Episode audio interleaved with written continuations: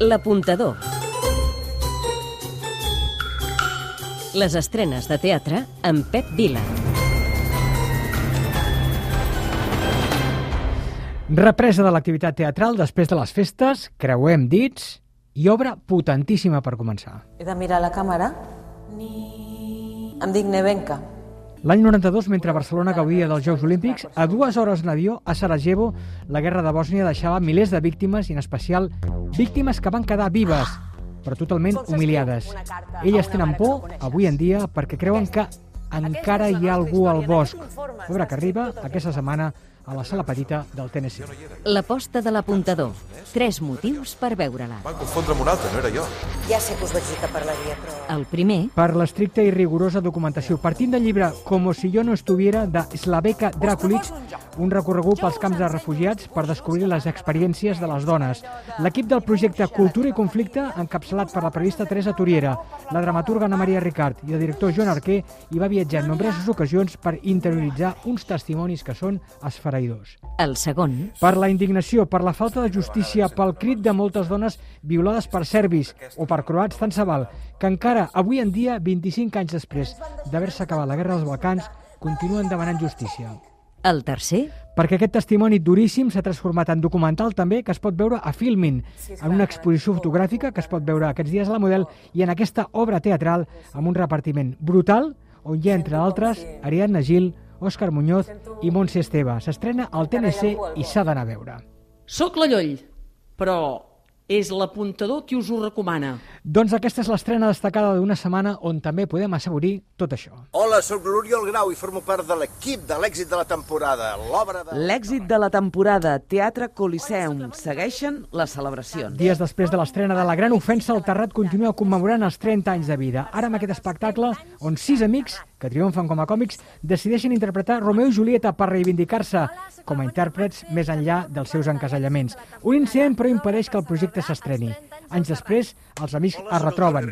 Per cert, uns amics amb la cara i ulls de Sílvia Abril, David Fernández, Fermí Fernández, Oriol Grau, Mònica Pérez, Jordi Ríos, Mònica Macfer i Alba Florejacs. Tots ells dirigits pel polifacètic Enric Cambrai.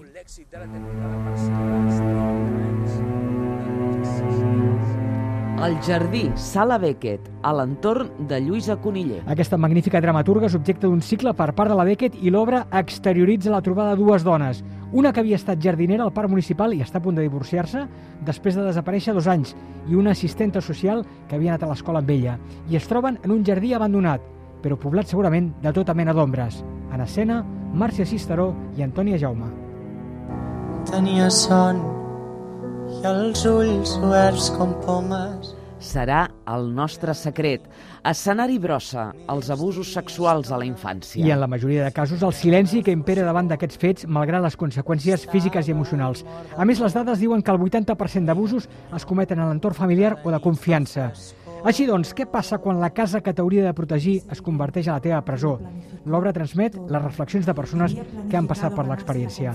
Amb direcció i dramatúrgia de Danila Feixes, interpretada per Elias Barberà, Marta Montiel i amb la col·laboració d'Eric Serrano. Ara per ara es troba en un moment de work in progress. Va sobre uh, la pregunta què és una turba. Turba, lliure de gràcia, documental i ficció. Del col·lectiu Mos Maiorum, companyia resident la passada temporada, una proposta que indaga en el que ens fa humans i que és clau en la supervivència de l'espècie, la capacitat d'actuar junts. Més enllà de moviments ideològics, com el populisme o el feixisme, l'espectacle convida a observar com funciona el gregarisme, quina capacitat transformadora té la massa i quins mecanismes serveixen per controlar-la. Per cert, no ens oblidem de dues reposicions must, és a dir, obligatòries. D'una banda, l'escenari brosa reposen coses excepcionals, una obra superrecomanable protagonitzada per Pau Roca, i també a la Villarroel Aka, una extraordinària obra sobre la dificultat de l'adolescència que va donar a conèixer el seu protagonista Albert Salazar. Tot un recital, una altra obra que no us heu de perdre. l'apuntador. Les estrenes de teatre amb Pep Vila.